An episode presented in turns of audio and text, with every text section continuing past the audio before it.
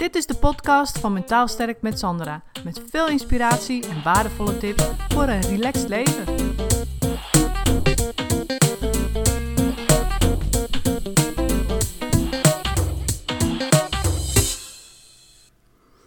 Hey, Sandra hier weer. En vandaag wil ik het hebben over gewoonten die je waarschijnlijk onbewust inzet om van je klachten af te komen. Dus daar ben je je waarschijnlijk niet van bewust. Nou, Sandra, denk je, waar heb je het over? Ehm, het gaat over het volgende. Ik heb zelf ook een hele uh, ja, duidelijke gewoonte heb ik ingezet die, uh, waarvan ik dacht van, nou ja, hè, dan kom ik wel van mijn klachten af. En wat ik deed was gewoon ontkennen en doorgaan. Weet je, ik had allerlei klachten, lichamelijke klachten, energieklachten en uh, hoofdpijnklachten, al die dingen. En ik dacht, weet je, onbewust, hè, dus dat dacht ik niet hardop. Want als ik me daarvan toen bewust was geweest, had ik wel iets anders gedacht. Maar ik, was, ik dacht toen onbewust, waarschijnlijk van ik ga gewoon door. En gaat vanzelf over, komt vanzelf goed. Weet je? Dus dat is een gewoonte die uh, mensen heel vaak inzetten, onbewust, om van hun klachten af te komen. Denken dat het vanzelf wel goed gaat, weet je wel? Dat het vanzelf wel goed komt. Maar zo werkt dat natuurlijk niet. En zo heb je nog veel meer van die gewoonten die jij misschien ook wel onbewust inzet om van je klachten af te komen. Nou, een, aantal voorbeelden daarvan. Bijvoorbeeld, misschien uh, vermijd jij wel mensen of conflicten of plaatsen, zoals uh, ja, bepaalde plekken waar je je niet prettig voelt of waar je die, die spanning bij je oproepen. Dat kan hè. En waarom doe je dat? Waarom vermijd je die mensen, die plaatsen of die conflicten? Omdat het je iets oplevert. Natuurlijk. Het zorgt ervoor dat je dan die spanning of die angst niet ervaart. Dus dat is een gewoonte die je inzet, die op korte termijn even helpt. Maar wat doet zo'n gewoonte op lange termijn met je? Daar kom ik zo op. Een volgend voorbeeld van um, een, een, een, een, strategie of een gewoonte die je inzet, die je eigenlijk niet voor je klachten afhelpt, maar die je onbewust misschien wel inzet, is bijvoorbeeld ja zeggen. Ja zeggen is ook een gewoonte die ervoor zorgt dat je eigenlijk um, ja, angst voor reacties of schuldgevoel vermijdt.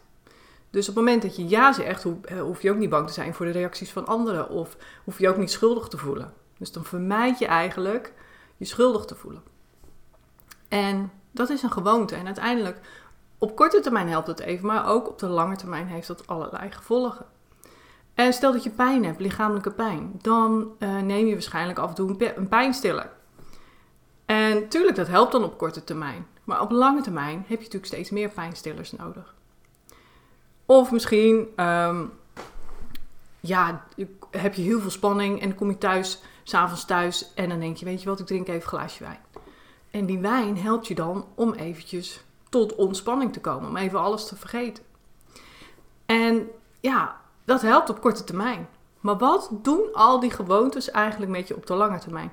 Nou, op de lange termijn zorgt het er natuurlijk voor dat als je mensen of conflicten of plaatsen blijft vermijden, of dat je ja blijft zeggen, of dat je uh, wijn blijft drinken hè, om tot ontspanning te komen, of uh, als je pijnstillers blijft nemen, dan zorgen die gewoonten ervoor op de lange termijn dat je je natuurlijk slechter over jezelf voelt. Want het lukt je maar niet om over die drempel heen te komen.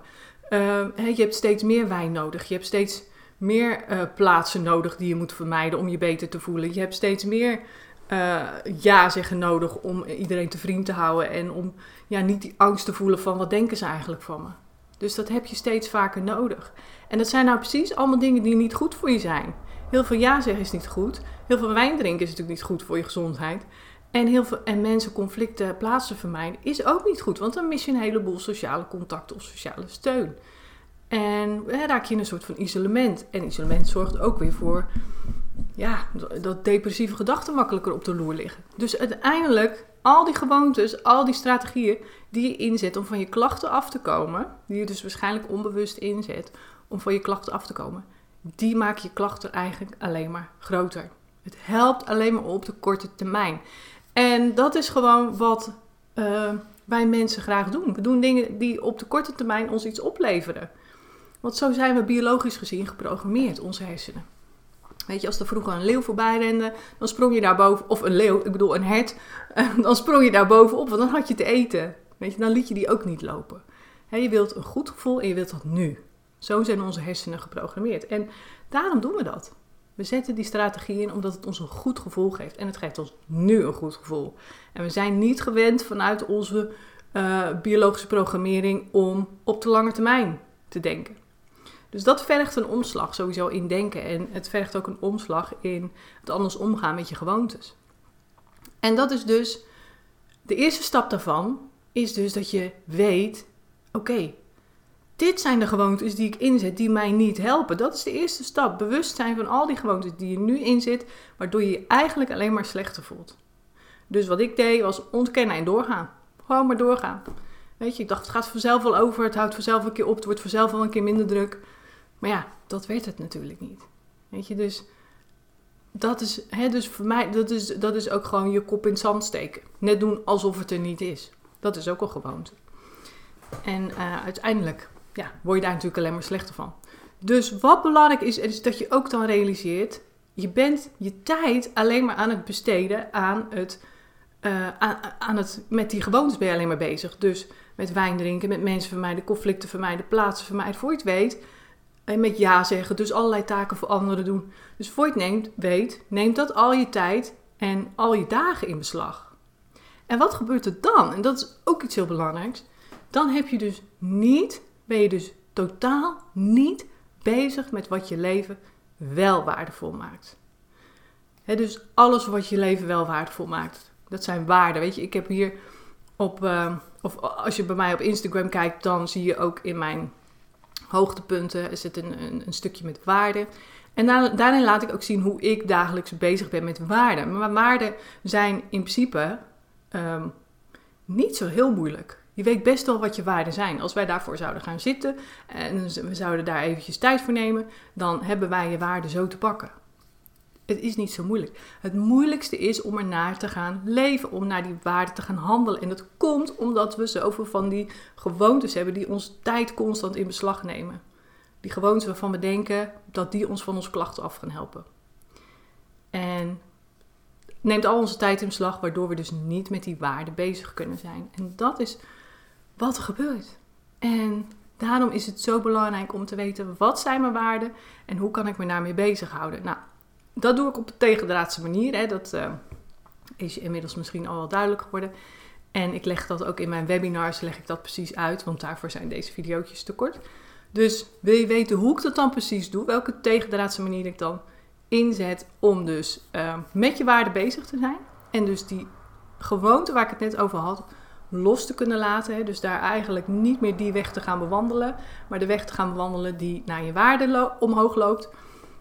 Dan uh, schrijf je even in voor mijn webinar, dan leg ik je dat uh, uit. Dus, oké, nou, dat uh, was even mijn inspiratietip voor vandaag. De zorg voor jezelf tip. Ik hoop dat je er wat aan hebt gehad. En ik zie dat een aantal mensen meekijken. Dus hartstikke leuk. Heb je vragen? Je kunt ze stellen. Hè? Je kunt het intypen of je kunt een uh, verzoek indienen en dan kun je er live bij komen. Dus heb je vragen, stel ze me gewoon en dan uh, kan ik ze altijd beantwoorden. Of ik maak er natuurlijk gewoon een nieuwe video van. Dat kan ook.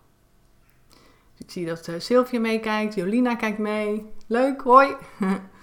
het is hier heel erg zonnig, hier in Zeeland. Dus het wordt een prachtige dag. En ik hoop dat ik jullie ermee geïnspireerd heb om om ja, eens even na te denken over wat zijn nou precies die gewoontes die ik inzet, die ja, mij eigenlijk totaal niet verder helpen. Waardoor ik eigenlijk helemaal niet dat waardevolle leven leid. Wat ik eigenlijk wil leiden. Hè? Dus dat ik lekker kan genieten. Uh, dat ik bezig kan zijn met dieren of in de natuur, uh, wandelen, fietsen. En dat is ook nog zoiets. Hè? Want uh, heel veel mensen denken van ja, als ik nou bijvoorbeeld ga wandelen of fietsen, dat helpt mij. Is dat dan ook een vermijdingsstrategie? En ik zeg altijd: alles wat helpt, dat kun je inzetten. Maar ehm, het moet wel gezond voor je zijn, laat ik het zo zeggen.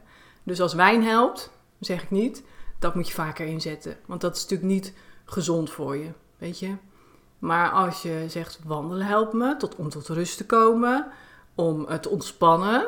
Hè, zodat al die dingen die met je doet, die bij je waarde horen. Want als bijvoorbeeld jouw waarde is, ik wil een ontspannen leven leiden nou, dan past wandelen en fietsen past daarbij. Weet je, het moet bij je waarde passen.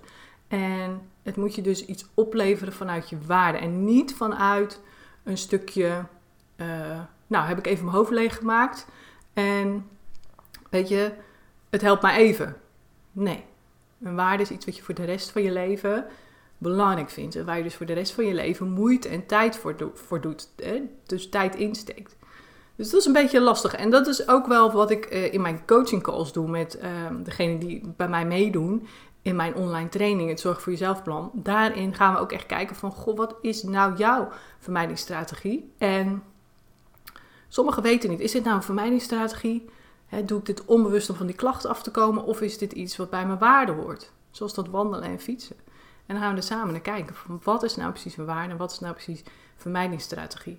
Dus dat is vaak heel interessant. Want dan kom je echt tot dingen dat je denkt: oh ja, weet je, dat is gewoon een waarde. Ik mag daar gewoon mee bezig zijn of zo. Of dat je denkt: shit, het is eigenlijk gewoon een vermijdingsstrategie. Dat, helpt me totaal niet. Waar ben ik nou mee bezig? En ik dacht altijd dat het me hielp. Weet je wel? Dus dat is uh, wat, we in, uh, wat ik met mijn coaching calls dus doe. Oké, en ik wens jullie een hele fijne zonnige dag. Doei doei! Bedankt voor het luisteren. Het is mijn intentie om met deze podcast waardevolle inzichten te delen die je kunt gebruiken voor je eigen leven en die je helpen groeien in je persoonlijke ontwikkeling. Wil je voortaan alle verhalen bij elkaar hebben staan? Abonneer je dan even op Mentaal Sterk met Sandra op iTunes of Stitcher. En ben je enthousiast over mijn verhaal? Dan zou ik het superleuk vinden als je een review achterlaat. Dat kun je doen in iTunes of Stitcher en geef je bij beoordelingen en recensies een korte review. En ben je echt enthousiast? Geef dan 5 sterren. Dat zorgt ervoor dat ik hoger in de ranking kom te staan en nog meer vrouwen kan inspireren tot een relaxter leven. Dank is groot als je dat even voor me wilt doen. Tot de volgende keer bij een nieuwe uitzending.